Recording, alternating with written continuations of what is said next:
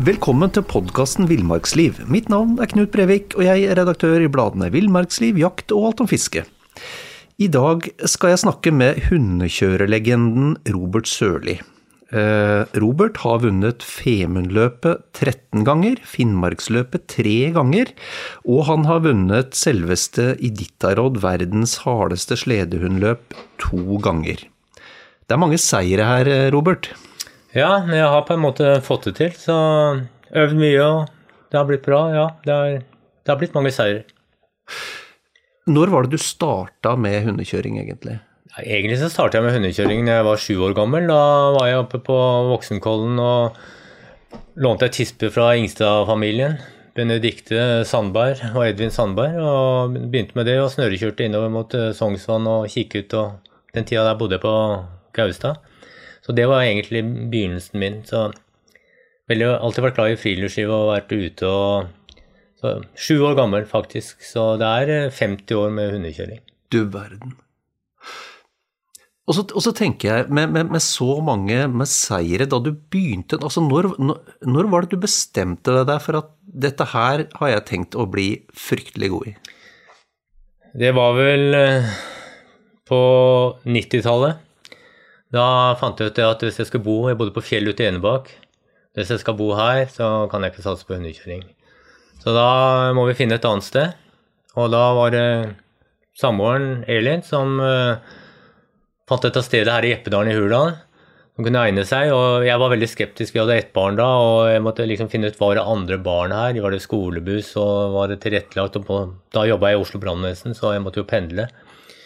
Så hvis jeg skal satse på dette her, det var ikke snø lenger eh, nedafor, så da må jeg flytte. Så flytta vi hit til, til Hurdal, hvor Jeppedalen Jeppdalen er skikkelig snøøl, og da begynte jeg å satse.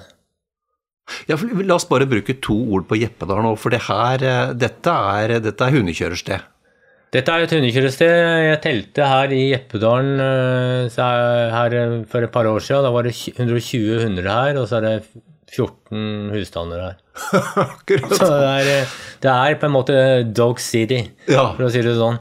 Så her går det hundespann på veien døgnet rundt. Nå får du bladet Villmarksliv rett hjem i postkassa i tre måneder for kun 99 kroner. I Villmarksliv kan du lese om norsk natur, ærlige tester av klær og utstyr, og mange gode turtips skrevet av erfarne friluftsfolk, fiskere og jegere. Send SMS VILL36 til 2205 og motta bladet allerede neste uke. Lev livet villere med bladet Villmarksliv. Hey, it's Danny Pellegrino from Everything Iconic. Ready to upgrade your style game without blowing your budget? Check out Quince. They've got all the good stuff shirts and polos, activewear, and fine leather goods, all at 50 to 80% less than other high end brands. And the best part? They're all about safe, ethical, and responsible manufacturing. Get that luxury vibe without the luxury price tag. Hit up quince.com slash upgrade for free shipping and 365 day returns on your next order. That's quince.com slash upgrade. Jeg tenker, du, du, er, du er 63 nå. Blir 64 nå i februar, ja. ja. ja. Uh, og, og, og, dette har du holdt på med i, i ja, over 50, 50 ja. år. Mm. Hvordan, hvordan, fortoner en vanlig dag seg for deg fra du står opp til du uh, går det, i seng? Ta på seg Jeppedalskofta, uh, det er ullundertøy og, og dette her. Og gå ned og sette på kaffen, fyre i ovnen, gå ut, fôre bikkjer, pelle møkk, og så går jeg inn igjen. Sånn begynner jeg hver eneste dag. Året rundt. Og så videre utover dagen så trener jeg hovedspannet mitt. 1600 trening. Så kan jeg kjøre seks mil på formiddagen og seks mil på kvelden. Og Det kan jeg gjøre et par dager etter hverandre. Og så, den dagen jeg har fri, så har jeg ungene jeg skal kjøre. Da er det ut med ungene. Og så, når du har ti, utenom, tid utenom det, så er det å skifte halm i hus og sørge for at de har det bra, klippe negler og alt som hører med. Så det er en, eh, det er en livsstil, og det er all in døgnet rundt, egentlig. Sjekke poter, ja.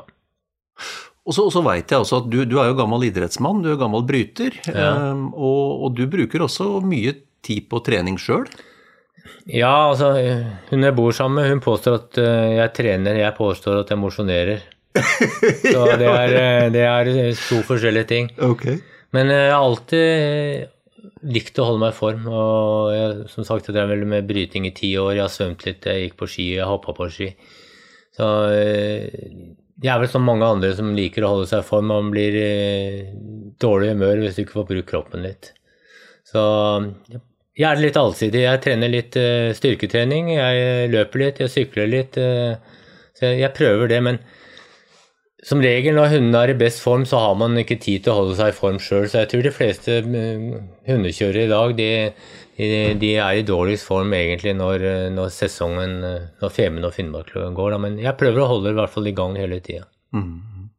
Ja, altså, du, du, er jo uforskamma sprek, men jeg er nødt, til å spørre. Altså, hvordan, hvordan merker du alderen eh, i, i, forhold til belastninger og trening og skader og, og, den type ting som gjerne dukker opp etter hvert? Ja, jeg har vært egentlig veldig heldig, altså, men jeg, nå har det skjedd noe eneste hvert år. Plutselig var jeg på joggetur, så bare røyk eh, hamstringa gikk på trynet. Altså, det som er forskjellen nå og før, er at eh, når du gikk på trynet, så skader du deg, men nå ødelegger du deg. Og det jeg merker mest, er det liksom å kjøre store spann med mye trøkk og sånn. Det, det jeg, du tenker mer, jeg er blitt eldre, du blir mer erfaren, du tenker mer. Eh, for 20 år siden så starta jeg rett utafor gården her. Det var 5 cm snø, jeg hadde tønnebånd under sleden. Det gikk så gnissfløyka stor nedover. Det tør jeg ikke lenger. Så Man, det, og fortsatt så har jeg lyst til å være med i åpen klasse, for jeg føler at det er liksom, der er det største prestisjen. og og, og da, det betinger at jeg trener, trener mange hunder. Mm. Jeg, jeg, trener 16 hunder. Men, men, eh, jeg kjører ATV så lenge det går, og det, det er sikkert, det er trygt og, og sånne ting. Så, ellers er det jo det at jeg har holdt på i så mange år at uh, noen ganger så er du lei, altså, men jeg prøver å liksom hele tida psyke meg opp med det der at eh, denne dørstokkmila, den må du over hele tida. Så du må finne en unnskyldning for, for, å trene, og ikke en unnskyldning for ikke å trene. Så jeg, jeg, er fortsatt sulten når jeg gjør jobben, og, men selvfølgelig jeg blir smartere, hundene drar meg mer, jeg tar meg ikke helt ut på løp og sånne ting. Jeg, har, jeg sparer krefter til jeg kommer til sjekkpunktene og sånne ting. Da. Så, og så merker jeg mer på det at jeg må hvile mer. Jeg, når jeg innimellom legger deg på sofaen og henter deg inn igjen og sånne ting. Du kan ikke kjøre full gass døgnet rundt. Og, så har det vært et, tøft år for deg, har jeg skjønt. Du, du, som har vært vant til å være veldig sterk og veldig i form, du ble sjuk? Ja, i fjor, så, i fjor høst, vinter så ble jeg sjuk. Jeg fikk kreft, jeg fikk blodpropp i beinet, i nyrer. Øh, ja, og jeg var, ble ordentlig dårlig, men øh, operert, kom meg over det, og blodproppene ble borte, og, og så nå i dag stille live og, og, prøver å gjøre som jeg alltid har gjort. Mm, mm. Mm. Så det var, en, det var, en, tøff periode fra å være fullstendig frisk den ene dagen til å være ordentlig sjuk dagen etterpå. Mm. Man skal ikke ta ting for gitt. Jeg, jeg tenker um, du, du, har kommet deg uh, gjennom, gjennom, sykdommen. Du satser for, uh, for fullt, har jeg forstått? Jeg satser eh, på min 14. seier nå i Femundsløpet. Jeg, jeg, jeg, er like sulten, og jeg har gjort jobben og litt unge hunder. Men jeg har jo gått ned mye på hundeantallet i forhold til jeg hadde. På det meste så hadde jeg 60 hunder. Nå har jeg rundt 20. Så på en måte, altså R-tallet er for lavt. Jeg har tre valper før, så normalt sett så har jeg hatt en 11-12 valper eller unghunder hvert år. Så på en måte så har jeg trappa ned. Og, men nå driver jeg aleine. Det er jo i 20 år så har jeg hatt kennelhjelp her hvert eneste år som, som, har hjulpet meg. Nå er jeg på en måte aleine. Har litt hjelp til trening fra noen venner, for å si det sånn. da. Så da, da sier det seg sjøl jeg greier ikke å sitte med 60 hunder og gjøre all jobben sjøl. Men jeg, jeg, har jo fortsatt tro på at jeg kan fortsatt vinne. Men jeg sier til meg sjøl den dagen jeg begynner å havne langt ned på listene, så drar jeg heller på tur. Også. jeg, altså turbiten, Femundsmarka, alt dette her, det er jo det som gjør at jeg har drevet med dette her. Ja. Og driver med det så lenge. Det er jo friluftsbiten. Det er ikke direkte bare konkurransen, det er friluftsbiten. Mm, mm. Mange hundekjørere i dag de liksom begynner med ti-tolv hunder første året, og så holder de på i tre år, så gir de seg. De har ikke friluftsbiten som ligger i grunn. Når jeg vokste opp, så var jeg på skauen hver eneste helg. Jeg vokste opp nede i Østmarka. Vi dro på skauen hver, hver, hver, helg. Så, og kom tilbake på søndag. Mm. Så jeg har jo hatt det der. Fiska, krepsa og ja. Så det er den, det som har vært drivkrafta mi. Det er på en måte såla? Det er såla i, og derfor har jeg holdt på så lenge. Og den har jeg fortsatt. Mm. Hele våren og sånn så reiser vi på Hardangervidda på tur, og det er fortsatt turbiten. Har jeg ikke kunnet drive med turbiten, så hadde jeg heller ikke drevet med konkurransebiten. For det, Mitt inntrykk er at dette med hundekjøring, det er, det er, det er ikke en hobby, det, det, er en livsstil, egentlig. Det er en, det er en livsstil. Det, det, er ikke sånn at du bare pakker det bort, liksom. Det og det er jo ikke Du har jo det hele døgnet. Det er ikke alltid like moro å gå ut eh, Eller hvis du har vært borte kanskje og kommet hjem i 12-1-tida på natta, og da skal du ut og fòre opp eller møkk og alt det der. Det er jo ikke alltid like moro. Men det er Det hører med. Det er sånn det er, og så har du alle de gode minnene stort sett da bestandig. da, så Nei, det er, det er, jo en livsstil. altså Hvis du skal gjøre sånn som jeg har gjort, og mange andre gjør det, så er, så er det en livsstil. Mm, mm. Du, jeg tenker du, du, er jo den mestvinnende eh, og, og en, en, legende i hundekjøringsmiljø. Um, mange har deg som forbilde. Hadde du noen forbilder, eller har du noen du ser veldig opp til i dag? Ja, ja altså Det som var forbildet som, som for meg, det var Sven Engholm i, Karasjok. Altså, ja. Det var han som begynte å sette virkelig på dagsorden stell av hunder, halm, dekken, eh, tepper til bikkjer, potestell. Altså, det har jo skjedd en revolusjon når det gjelder det i forhold til for 30-40 år siden. Det, folk sier til meg ja, vi trengte ikke å bruke potesokker, sa de eller noe. De hadde så sterke bein. De hadde ikke noe sterkere bein enn de har i dag. Vi trener jo fem-seks ganger mer. Mm. Mm. Og økonomien har blitt bedre til folk flest. Husa de mange hadde, var tønner. Dårlig stell, dårlig fôr. Det er jo, I dag er det noe helt annet. Mm. Så det har jo skjedd en revolusjon på, på, på trening og stell av trekkhunder. Altså. Mm. Du, det, det, bringer oss litt over på det med hunder, fordi um, nå, nå, har det vel blitt roligere, men det var en periode så var det en del sånn dyrevernere som var veldig opptatt av at dere kjørte bikkjene for hardt, og at det mm. nærmest var snakk om det rene misbruket. Hva tenker du om det? Ja, Det kan jeg si. Det, altså det jeg tenker om det, altså det, i utgangspunktet er det at en hund som blir brukt får mat og stellet sitt, den kan ikke ha det bedre. Det er utgangspunktet. Mm. Tenk på alle de som har en hund kanskje som bare bor under et trapp inni et bur og er ute og tisser om morgenen og tisser om kvelden. Mm. Her har vi hunder som har selskap med hverandre hele tida. De blir brukt hele tida året rundt. Og jeg mener de kan ikke ha det bedre. Og det var jo sånn når jeg begynte å kjøre Auditer og sånn. noen av de var jo på og sendte brev til alle sponsorer, at dette var så forferdelig alt det der. og dødd så, så mange hunder under Auditor. Og, og det, er, det, er, det er sikkert dødd hunder. Det har jo det, det, det vet man jo. Det dør hunder hver dag i trafikken. det spiser gulvfyller. Altså det Bank i bordet. Jeg har aldri mista noen hund, verken på trening eller på løp, og det er ingen som har trent eller kjørt så mye løp som meg. Så, men, men det er klart, starter du i Finnmark 1200 km, eller i Aidito, så har du ikke trent hunden eller, eller, forberedt dem på dette, her, så er det selvfølgelig dyreplageri. Mm, mm. Og jeg husker de første Finnmarksløpene jeg kjørte, det var én veterinær var, som var på Karasjok og måtte ringe etter hvis det var noe. I dag så er det jo 30 veterinærer ofte. Det er jo så fort det kommer inn sjekk av hunder og alt det der. Mm. Er en hund som er halvt, så må den ut med en gang. Så jeg mener at uh, dyrevelferden den er helt på topp også når det gjelder det i, dag. Mm, mm. Men du, selvfølgelig, og det vet jo alle kanskje som driver med jakthunder og alt, en hund som går ei uke i fjellet, han blir ofte tynn og den blir sliten, men det er absolutt ikke farlig at en hund blir sliten. For Jeg har jo også opplevd at jeg syns så synd på disse hundene for de må trekke. Du må være klar over de hundene de elsker faktisk uh, dette her. Så hadde du stått og sett på når jeg spente opp her og og sånn, så Selv disse som har gått enormt mye, de hyler og skriker, og de syns dette er helt topp å komme til. De gleder seg, de? De gleder seg og har ikke noe dårlig samvittighet i, i det hele tatt. Og I dag så har vi avla mye mer på glede og sånne ting. Før så var det jo sånn at det var jo mye tøffere hunder. Det er jo mye mildere med hundene i dag. I dag er det sånn at hvis du møter en puddel eller noe sånt, så de, de gjør ikke noe. Jeg, jeg husker jeg begynte med grønlandshunder i Østmarka. Det var jo noen ordentlige beist.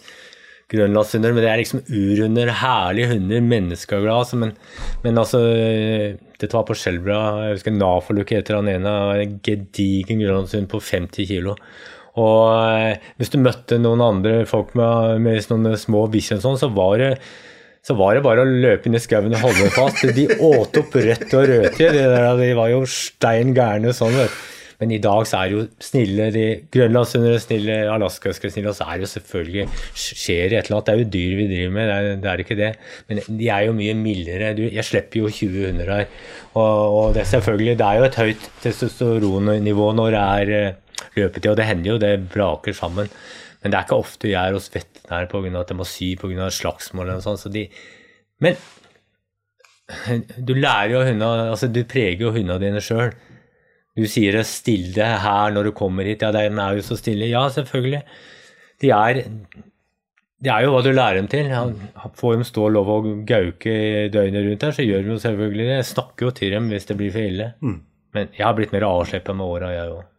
Men så tenker jeg det også, Robert, at eh, når du skal ha bikkjene til å jobbe for deg i ni-ti dager sammenhengende jo- De må ja. jo elske å gjøre det. De må jo elske å jobbe for deg. Det er det, kan du si. altså, Der finnes jo gode kusker, og det finnes jo, eh, ikke sant, Ulf Thoresen var jo en kjempegod hestemann. Jeg er kanskje, kanskje en god hundemann. Altså, Hele clouet her er å få de hundene til å gjøre en jobb for deg. Elske å gjøre en jobb for deg. De står jo og ser på deg. De ser 'gjør det riktig nå, pappa', liksom. Er det bra, liksom? Og det er det at du er inni skallen på de hundene. Og Det er jo sånn at hvis de bare får kjeft hver gang de er ute, og at det er utrivelig å holde kjeft og, og alt er bare ræva, og det, du lar det gå utover de hundene, da gjør de ikke en jobb for deg. Styrken min, og det er det at jeg stort sett er oppe hele tida. Det er styrken min. Og oppe da tenker du på Oppe mentalt. Ja. Jeg er glad, jeg er fornøyd, jeg prater med dem. Og jeg kan godt kjøre hundene mine, altså be om noe. Men jeg har den erfaringa, og jeg skjønner når jeg kan gjøre det. Og hvis jeg kjører dem, så kjører jeg dem sånn at de ikke skjønner det. De skjønner ikke at de blir pressa. Du kjører dem på en måte hvor du er glad, forteller dem at de er klin gærne, og du er glad, og dette går kjempebra, og sånne ting. Istedenfor å true dem til å løpe. Og Der ligger mye av clouet, tror jeg, på at jeg har gjort det bra. Det er hemmeligheten din. Ja, det er hemmeligheten. Og så roe ned til å begynne med. og så Ikke tenk på hva alle andre gjør. Roe ned. Du dreper et hundespann de første sjekkpunktene hvis du kjører for hardt. Men etter hvert så kan du, da kan du gi gass. Når de har gått seg inn, da kan du gi gass. Det er klart, Jeg har jo drevet på med dette i 50 år. Jeg har jo gjort alle feila, jeg òg. ja. Alle feil. Men man lærer av det. Man lærer av det. Jeg, jeg, si det, vi satt og prata om det her. Altså, jeg har jo blitt bitt noen ganger òg. Jeg har aldri blitt bitt hvor det ikke har vært min egen feil. Da har jeg gått over grensen. Aldri blitt bitt pga. noe annet. Robert, vi er, vi er nødt til å snakke litt om Iditarod. Det, det er jo et brutalt løp i Alaska. Et brutalt sted, om vinteren spesielt. Ja. Eh, 150-60 mil langt. ja. Uh, det du har, du, du, har, du har omtalt Iditarod, har jeg sett, som å ete en elefant. Du må ta en bit av gangen. Ja, det var ikke, det var ikke jeg som kom med det, men jeg tror det var Kjell Smestad i Gaustad. Men det er, det er jo faktisk sånn det er. Er et sånt eh, Det er jo et, eh, et kjempelangt løp, hvor du har alt. Du har, du har, du har fjell, og du har kysten med vind, ikke snø. Du har, kommer ut for alt. Du har elver som går opp. Du har ikke sant, overvann, ikke snø. Eh, og faktisk, jeg husker ikke når det var, i 2017, da kjørte jeg dit uten snø. Du kan prøve å kjøre et, eh, et 16-spann uten snø ned fjellsider og det der. Det, det sitter i meg faktisk ennå. Det, eh, det, blitt, eh, det, det løpet hadde ikke blitt uh, gjort i dag, altså. Det, det er helt sikkert. Det Du kjører på is, da? eller? Det, var ikke snø i, i, de, de partiene der. Ikke snø. Folk knuste slyer, ødela seg og alt det der. Var, eh, Bikkjene syntes det var kjempekult å løpe. Men du hadde null kontroll. Vet. du. Så det, det er et løp som har alt, og så er det lengden som gjør det i tillegg. sånn at du vil alltid få det i et sånt hundespann. De begynner å tenke. Skal ikke dette snart stoppe, liksom, de- et sånt hundespann? Så begynner de å tenke. Ok. Hva liksom også Greie å holde den farta, greie å, å disponere kreftene dine gjennom hele løpet, så du ikke mister trøkket i spannet. Det er også noe av kunsten med dette her. Alle mister det på slutten. Da går farta ned for de fleste, og da må du være i posisjon. Men det er om å gjøre å beholde trøkket i spannet så lenge som mulig, og det, det får du ved å hvile. Det er jo ikke sånn at man kan bare kjøre, man må liksom hvile. Du må liksom lese hundespannet ditt. Dette er jo krysningshunder som er kryssa med jakthunder. I Alaska husker jeg er kryssa med jakthunder. Hvis du tenker på Sibirian husky, grønlandshund og malamut og alt det, de har jo en mye mer sperre, akkurat som en ulv. Altså En ulv den kan jo ikke ta seg helt ut sånn at den er ferdig på en jakt. Han må jo disponere krefter til jakta neste dag. Men hvis du krysser en, si at du, du krysser en forster, det har vært border collie og alt mulig, har kryssa inn i disse alaskaøskene, så er det på en måte du som må lese hundespannet ditt og sette de grensene. Så nå Parkering, vi har sett parkering ofte på Finnmarksløp og sånne ting. Det er jo på en, Enten så er det et lederproblem som du har, eller så er det fordi du har kjørt unna fart. De må ha hvile, de må sove, og det er det viktigste. altså at De får sove. Mm. Stoppe, sove. Har de da en hund å parkere for deg, så er det ofte et ødelagt hundespann. Da kommer de til å parkere for deg mange ganger hvis du ikke må bryte løpet. De, det er et mytteri, rett og slett, i spannet. Men, men du, la oss ta det også. Hvordan, hvordan setter du sammen spannet ditt for, i, forhold til i ditt råd? Altså, hva tenker du på når du setter bikkjene i, i spannet? Eh, Det er veldig mange som tenker sånn at det tør Nå får du bladet Villmarksliv rett hjem i postkassa i tre måneder for kun 99 kroner. I Villmarksliv kan du lese om norsk natur, ærlige tester av klær og utstyr, og mange gode turtips skrevet av erfarne friluftsfolk, fiskere og jegere. Send SMS VILL36 til 2205 og motta bladet allerede neste uke. Lev livet villere med bladet Villmarksliv. Hey, it's Danny Pellegrino from Everything Iconic. Ready to upgrade your style game without blowing your budget? Check out Quince. They've got all the good stuff shirts and polos, activewear, and fine leather goods, all at 50 to 80% less than other high end brands. And the best part? They're all about safe, ethical, and responsible manufacturing. Get that luxury vibe without the luxury price tag. Hit up quince.com slash upgrade for free shipping and 365 day returns on your next order. That's quince.com slash upgrade. trøkk i spannet og store hunder og krefter og sånn. Det er ikke der det ligger. Det er fire eh, firehjulstrekkere som, eh, som eh, er sterke, men de har ikke den farta. Altså resten er løpere. Sånn setter jeg sammen det spannet. Forskjellige typer hunder for forskjellige underlag. Er det, er det tungt føre, føyker, eh, må brøyte, så er det ofte hunder som egner seg for det. Lette spor, andre hunder, fram med det. Så til enhver tid til å lese hundespannet ditt. Det er aldri kjedelig. Du kan tenke deg du kjører ni døgn, men alle de kjedelige timene går egentlig fort. Du står her og ser på spannet ditt hele tida. Jeg har jo så mange tusen timer med de hundene. Jeg ser hvis det er noe med en hund. Det er jo det jeg står og, og, og ser etter. Er det, fungerer alle? Eller kommer han plutselig med en hale opp? Begynner han bare å galoppere, f.eks.? Da vet jeg en hund som vanligvis som eh, vanligvis traver veldig lett, da begynner å galoppere, da veit jeg at her er det noe gærent. Kommer opp med halen og begynner å justere. Skulder.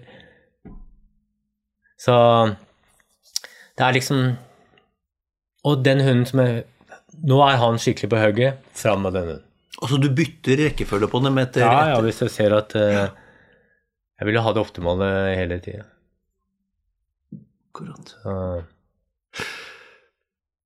Jeg- Du, du, du prøvde deg første gang i, Prøvde, du, du gjorde det jo veldig bra, men i, i, i 2002 ble nummer ni og beste rookie eller nybegynner. Um, 2003 så vant du. Hva var det du lærte fra 2002 til 2003?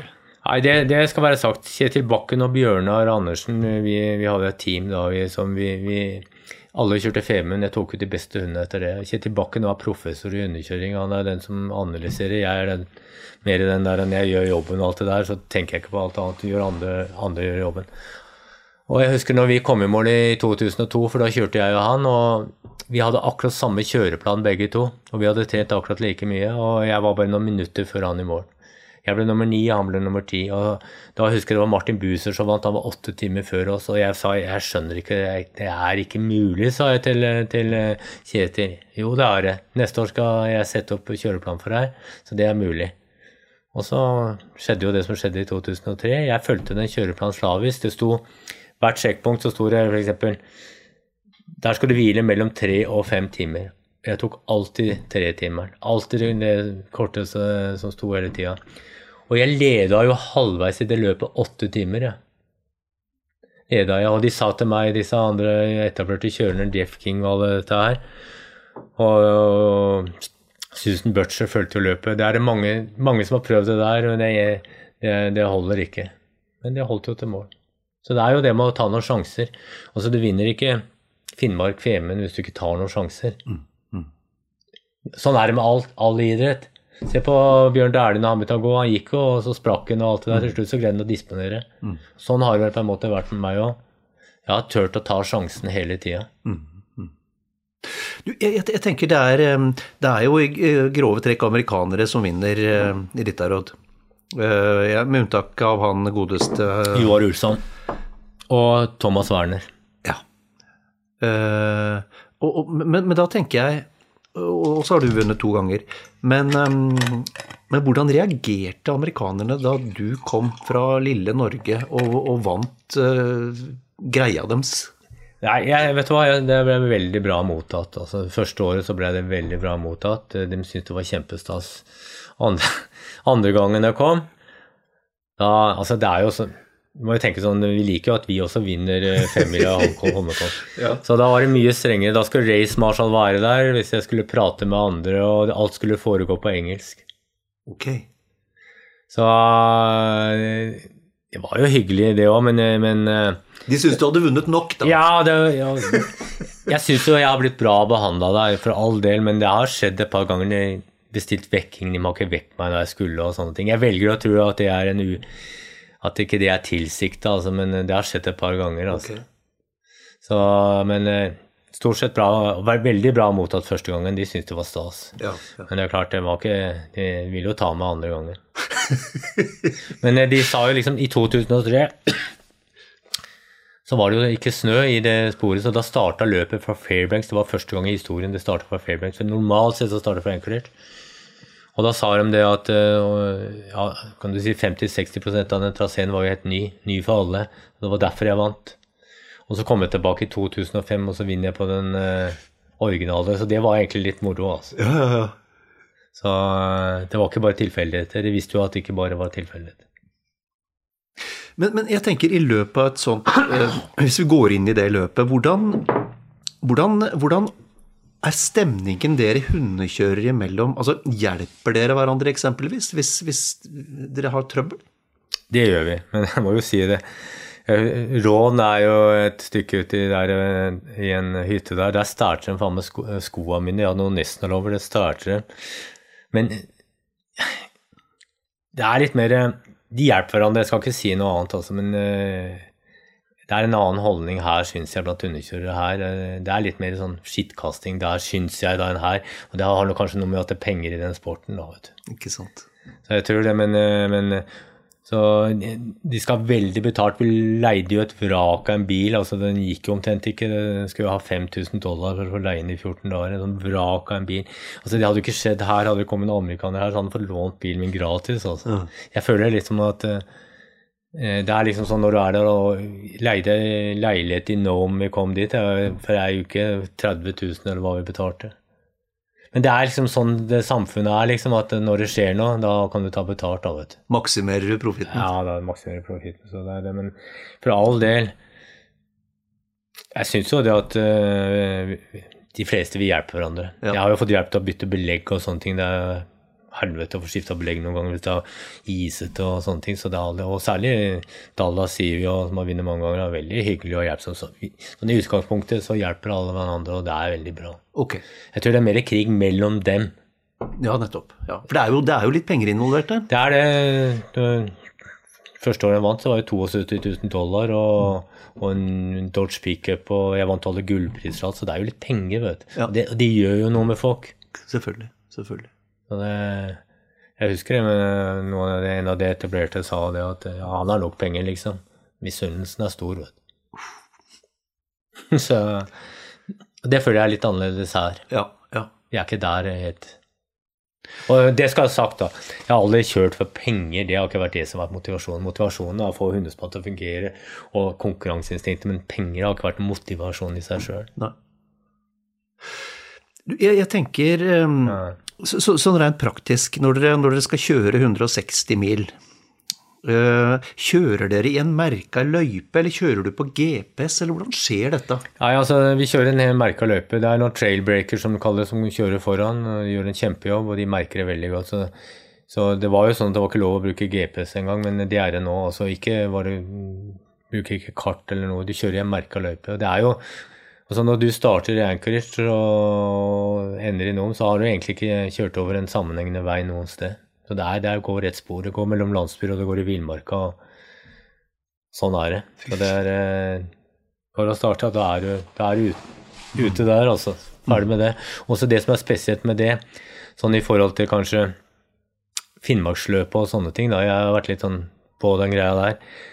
I dag er, er det jo en bobilkaravane som går for Finnmarksvidda, ikke sant, og hvor handler og alt følger med. og så når du kommer til sjekkpunkt, så er det noen som eh, du, må gjøre alt jobb med bikkjene sjøl. Det er sånn sperrebånd og alt må du gjøre med bikkjene sjøl. Men når du går ut og sperrebåndet, så er det noen som drar inn en bobil, drar av deg klærne og mater deg som er gås, og så døtter de ned sov.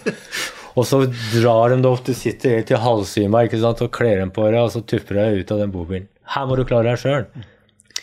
Alle sjekkpunktene er det flydd ut depoter til. Så det må du ha gjort på forhånd. Det er depoter. Når du kommer til sjekkpunkt, så går du og finner den sekken det står navnet, navnet ditt på, og så må du gjøre faktisk alt sjøl. Men alle sjekkpunktene har et sted du kan gå inn. Altså enten det er hytte eller telt eh, hvor de har varme, så du, det er på alle sjekkpunktene. Så, så det, er, det er forskjellen, men du må greie deg sjøl hele veien. Mm. Og så må du ha laga mat på forhånd, så du varmer i en sånn fòrkoker som vi har der du varmer vann til bikkjene. Så. Men du må være veldig strukturert i dette. her. Man tenker deg sjøl, du kjører i ni-ti døgn, og det er nesten ikke søvn. Skal du ligge tre timer et sted, så bruk en time når du kommer inn på stedet bikkjer. Så bruk en time når du skal ut. Så har du én time sjøl til å sove og spise. Og ting må gå utenom hjernen. altså det, det, Man kan tenke seg sjøl, hvis man ikke har sovet på flere døgn, eller i hvert fall minimalt, så blir du helt sånn uh, amøbe. Så du må være sånn drilla hele tida på det du skal gjøre. Da er det ut, begynne å sette på sokker, fòre, og så er det å komme seg av gårde. Og hvis du somler kanskje 10-15 minutter på hvert sted, det, er, du blir timer av det. Du må være kjempestrukturert på det. Men, men, men jeg, jeg tenkte, og det her er antageligvis det spørsmålet du har fått oftest i karrieren din. Hvordan i himmelens navn holder du deg våken nesten i ni dager sammenhengende? Mange spør om jeg trener på det, det, det gjør jeg ikke. Men eh, du er innstilt på dette her mentalt. Det går, jeg tenker sånn sånn, ja, Femundsløp eller sånn, tre døgn liksom minimalt med søvn, hva betyr det, liksom? Og det er jo sånn at uh, når du er helt ferdig, og jeg har detta én gang, liksom, ja, dette husker jeg fra stående akkurat som en hest sovna og datt på bakken. Det er, det er vel den eneste gangen det har skjedd at jeg har sovna bak deg, men du står bare der og bikker fram og tilbake, og, men da må du kle av deg. Du kan ikke ha det for behagelig. Det er sånn at det er for varmt. Kle av deg så det blir kjølig, og så må du bare tvinge deg sjøl til å begynne å bevege deg, sparke, løpe, komme deg i gang. Og så er det sånn at hvis du står bak deg, så får du plutselig den der heroinknekken, så det er borte et sekund eller to. Og så kommer det liksom igjen, så holder du faktisk i flere timer. Det er liksom sånne, Du lærer deg sånne teknikker hvor du egentlig står her og og halvdørmer og hviler på et vis. Og det er jo akkurat det samme med bikkjene. De også går sånn. Plutselig så går de veldig bra. Det er akkurat som jeg sier, akkurat som du har stolaksen på kroken. Du kjenner at her, nå skjer det noe. Da kan du kjøre. Og så plutselig kjenner du at det dabber av. Og da, da er det ikke noe vits å mase eller gjøre noe. Så de må få gå ned og hente seg et sånt godt hundespann. De går ned og henter seg. Og så er de på'n igjen. Så er det jo veldig mye sånn teknisk med fòret og sånne ting. Da. Det er jo ikke sånn Den gangen jeg begynte å lære hund, så skulle hunden få mat. Skulle få mat eh, to timer etter å ha trent den. Det er jo ikke sånn det fungerer. Det fungerer ikke sånn ute i villmarka heller. Alle rovdyr spiser jo maten sin med en gang, sånn så stjeler maten. Så det er jo sånn at eh, når du kommer inn på et sånt sjekkpunkt, f.eks., så, så fôrer du med en gang. tar av sokker og setter på vann og fôrer med en gang. Og på sporet, så hver annen time, så gir de meg snack. Og jeg, man, man var veldig redd for sånn mavevrenging, husker jeg før i tida, men jeg har aldri hatt noen mavevrenging eh, på hunder i det hele tatt, så jeg tror ikke det har noe med det å gjøre. Hunder, altså dyr spiser når de er sultne. Det. Mhm. Det er litt sånn gammel myte, det er ikke det? Ja, det er jo eh, mye sånne myter ute og går, vet du. Det er sånn, verden går jo videre. Det er jo Kjører jo ikke rundt med jernhjul heller lenger. Du, når du kjører eh, så langt i, i villmark, og som du sier, det krysser ikke vei. Mm. Hva med, hva med, hva med ville dyr? Uh, elg, ulv? Ja, jeg har sett ulv der. Par, eh, to ganger jeg har jeg sett ulv der. Og elgen er jo den man er mest redd for. Den uh, har jo ødelagt mange hundespann der. Ok. Og særlig de åra hvor det er veldig mye snø, og hvor det er et spor. Da står den i sporet. Og den er jo vant til å bli jaga av rovdyr. Så det er den største trusselen. Jeg har bank i bordet vært heldig at jeg aldri har hatt noe angrep av, av det. Og jeg har bare sett disse svære elga uten at det... Så jeg har ikke vært plaga av det. Og så i noe som heter The Burns, er det mye bison, men jeg har ikke hørt at noen har blitt angrepet av det. Så eh, egentlig Og så mange ganger så er det veldig kaldt, 40-50 minus, og da er naturen helt stille.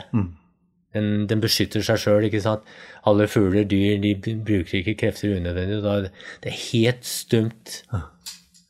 Nå er det fordi jeg hører dårlig, men eh, den gangen jeg hørte det bra, så, så var det da Alt er helt dønn stille. Her får du korrigere meg hvis jeg tar feil, men jeg mener å ha lest at, um, at det er tillatt uh, i nødsfall hvis f.eks. elg angriper, å avlive den. Ja. Men at de færreste gjør det, fordi du, det er visstnok uh, visstnok en bestemmelse som tilsier at du er nødt til å gjøre noe før du drar videre. Det er jo også, ja. Og da, Og da taper du tid. Nei, la meg se, kommer noen bak, så må, får ikke de lov å kjøre heller. Å nei, Nei, jeg har forstått det sånn. De må hjelpe til, det òg. ok. Mm. Så det, det vil dere naturligvis unngå i det aller lengste. Ja, det er klart det. Altså, man syns jo ikke det er noe hyggelig å ta livet av et dyr på et hundeløp. Det er jo helt unødvendig. Det er jo ikke noe jakt, sånn sett. Nei. Så man vil jo helst ikke det. Men det er mange, og jeg også har kjørt med revolver. Men jeg har jo ikke noe som særlig jakter, eller jeg har jo ikke noe jakterfaring sånn sett. Så jeg eh, Revolver og meg og Colt Jeg vet jo ikke hvor jeg skal skyte den engang. Det Så er jeg egentlig bare glad til at det ikke har skjedd noe. Så det er Du, jeg tenker um, Hender det underveis, enten i ditt råd eller på andre lange hundeløp, at du tenker som så at eh, vet du hva, dette her er siste gangen, nå gidder jeg ikke mer. Ja. Jeg hadde det etter den der, eh, som jeg sa her i sted, hvor det ikke var snø og alt var helvete. Men så går det en måned eller to på sommeren, så er alt glemt. Og vi er mennesker er jo laga sånn at vi glemmer det som ikke er hyggelig. Ja. Og da er alt glemt. Og, så, men jeg har jo den nå, liksom jeg tenker som så at eh, jeg har drevet på med dette her så lenge, og det er jo et slit på den tida her. Det er jo et slit. Og så har det ikke vært forhold her i år heller, ikke sant? så du må jo avhengig mye av å reise for å kanskje få trent og sånne ting. Det er mye håndtering, og det er jo et slit. Du kan ikke liksom legge deg bakpå, du må gjøre jobben. Men eh, så tenker jeg, hva skal jeg gjøre da? Det er jo en stor glede ved dette. Det er stor glede med å få til hunder. Så, men eh, ja, jeg tenker og jeg kan også love å si det. det ofte så er det sånn første døgnet, så tenker jeg hva annen er det jeg driver med? Jeg må jo, kunne jo heller ligge nede på eh, strand på mm, Spania med en paraplydrink istedenfor, og så driver jeg her og sliter livet av meg. Men så går det over. Første døgnet er verst, og så går dette her over. Og så liksom, det som skjer, så har det vondt i huet en dag, eller noe sånt, så går den der lite søvnhupinne over, og så går det faktisk bedre og bedre. Jeg husker eh, du nevnte da vi snakka sammen eh, sist, og det er noen år siden nå, men det var like etter at du vunnet i andre, andre gangen, at du fikk ikke tilbake normalt søvnmønster for nærmere sommeren. Nei, det er altså i hvert fall eh, Til å begynne med disse langdistanseløpene så hadde jeg sånn svettetokter og ødela søvnen i hvert fall 14 dager etterpå. Så, men eh, det har faktisk blitt bedre med åra. Nå er jeg altså på Skammer, jeg tror ikke vi trenger så mye søvn, da, men vi trenger å hvile. Da. Så det har faktisk blitt bedre, men eh, det var skikkelig Så det er ikke noe foryngelseskur det vi driver med, jeg tror ikke akkurat det. så det er Jeg veit ikke hvor sunt det er. Det, det skal jeg ikke uttale meg om. Ja. Du, du, du nevnte, da vi snakka sammen sist, da nevnte du at, at, det hadde vært gøy å ta en tur langs Yukon sommerstid, fiske og kose deg og liksom bare oppleve, oppleve naturen uten å ha det peset hengende over deg, at du skulle komme fort fram. Ja da. Har du fått gjort det? Nei, jeg har ikke gjort det, men jeg har jo vært i Alaska på sommerstid. fordi at eh, når du vinner, så må du dit. Og jeg har vært i Homer, og vi har vært og fiska kveite og okay. laks og alt det der. Så det har jo vært på en måte vært på det. Fått kongelaks. og Jeg har vært hos en som heter Henrik Wessel i, i Takitna og fiska der. Du vet kanskje hvor man er. Og vi har vært der i uka. Så jeg føler at jeg, jeg har eh, fått gjort det jeg egentlig jeg skal. Jeg, hvis man skal liksom gjøre status av livet sitt, og så tenker jeg sånn, burde jeg gjort ting annerledes? Nei. Jeg eh, føler det at jeg egentlig har hatt et bra liv sånn. Jeg har drevet med det jeg elsker hele livet. Jeg har hatt, hatt utdannelse som ja, Jeg er utdanna rørlegger og jobber i brannvesenet. Det jeg har lyst til. Det, ting har egentlig gått på skinner og gjort det jeg har lyst til hele livet. Det er jo fantastisk. Ja, for det kan tenke, Man kan tenke seg sjøl, men jeg har jo vokst opp jeg har jo, eller Familie og unger og alt dette har jo gått sin gang selv med det. Det er jo tøft for en familie. Mm, mm. Og det er jo et egotripp, det vi det, det jeg driver med. Mm. Men gjort er gjort, og spist er spist er spist. Mm, mhm. La meg bare spørre, er du, er du ferdig med ditt råd? Ferdig med Adidas. Ja. Ja. Det er jeg ferdig med. Det, det koster jo Altså, jeg, jeg er ferdig med det. Bare det å reise så mye penger, det er jo en 400 000-500 000 hvis du skal reise dit. Altså bare det, det å fly rundt og på en måte tigge penger, det, det er jeg ferdig med. Så jeg har jo gjort det. Har, hva skal jeg bevise? Mm. Vinne to ganger, hva skal jeg bevise? Syns fortsatt det er moro å kjøre hjemme. Jeg kjører hjemmesløp i år, kanskje jeg kjører Finnmark. eh, hvis jeg føler for det òg, men eh, men på en måte så syns jeg kanskje ungdommen skal begynne å overta, så de må begynne å slå meg snart. De, de, dem du kaller snørrunga? Ja, er så, så lenge jeg greier å hevde meg i toppen, så og ha gutset til å så og, Men det er ikke noe must lenger. Altså Det er ikke noe must, jeg må ikke kjøre underløp. Jeg er jo turmenneske. Det er jo det, det som gjør at jeg driver med dette her. Det er jo det som ligger bak alt sammen. Friluftsliv, tur med hund. Så det, det er ikke noe must. Men fortsatt så har jeg nå lyst til å være med og konkurrere. Så, sånn avslutningsvis, hvis du i løpet av et, et langt liv som, som hundekjører og, og, og turmann, um, hva hva er det beste minnet ditt for alle disse åra? Det meste minnet mitt er i 2003 på Yukon River. Det var en påskevær, egentlig varmt og godt, og hvor jeg skal hvile på sporet, legge meg, fôre bikkjer, legge meg ved siden av bikkjene i halmen og sover så innmari godt. Jeg husker til og med at jeg forsov meg. Det er det beste minnet jeg har. Er, da er du ett med både natur, med hundene. Det er det beste minnet jeg har Og du er på vei til å vinne. Jeg er på vei til å vinne. Det var før, eh, før noe som heter Kaltak. Altså det var et stykke igjen, men jeg følte jeg hadde en god følelse. Mm. Ting fungerte. Det er det. Hunder sov, vi kosa oss. Tusen takk for en hyggelig prat. Bare hyggelig.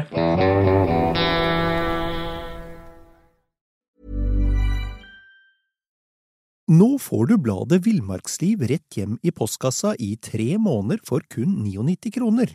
I Villmarksliv kan du lese om norsk natur, ærlige tester av klær og utstyr, og mange gode turtips skrevet av erfarne friluftsfolk, fiskere og jegere. Send SMS VILL36 til 2205 og motta bladet allerede neste uke. Lev livet villere med bladet Villmarksliv. Elevate your travel style with Quince. Quince has all the jet setting essentials you'll want for your next getaway, like European linen, premium luggage options, buttery soft Italian leather bags, and so much more. And it's all priced at 50 to 80% less than similar brands. Plus, Quince only works with factories that use safe and ethical manufacturing practices. Pack your bags with high-quality essentials you'll be wearing for vacations to come with Quince. Go to quince.com slash trip for free shipping and 365-day returns. Mom deserves the best, and there's no better place to shop for Mother's Day than Whole Foods Market. They're your destination for unbeatable savings, from premium gifts to show-stopping flowers and irresistible desserts. Start by saving 33% with Prime on all body care and candles. Then get a 15-stem bunch of tulips for just $9.99 each with Prime. Round out Mom's menu with festive rosé, irresistible berry chantilly cake, and more special treats. Come celebrate Mother's Day at Whole Foods Market.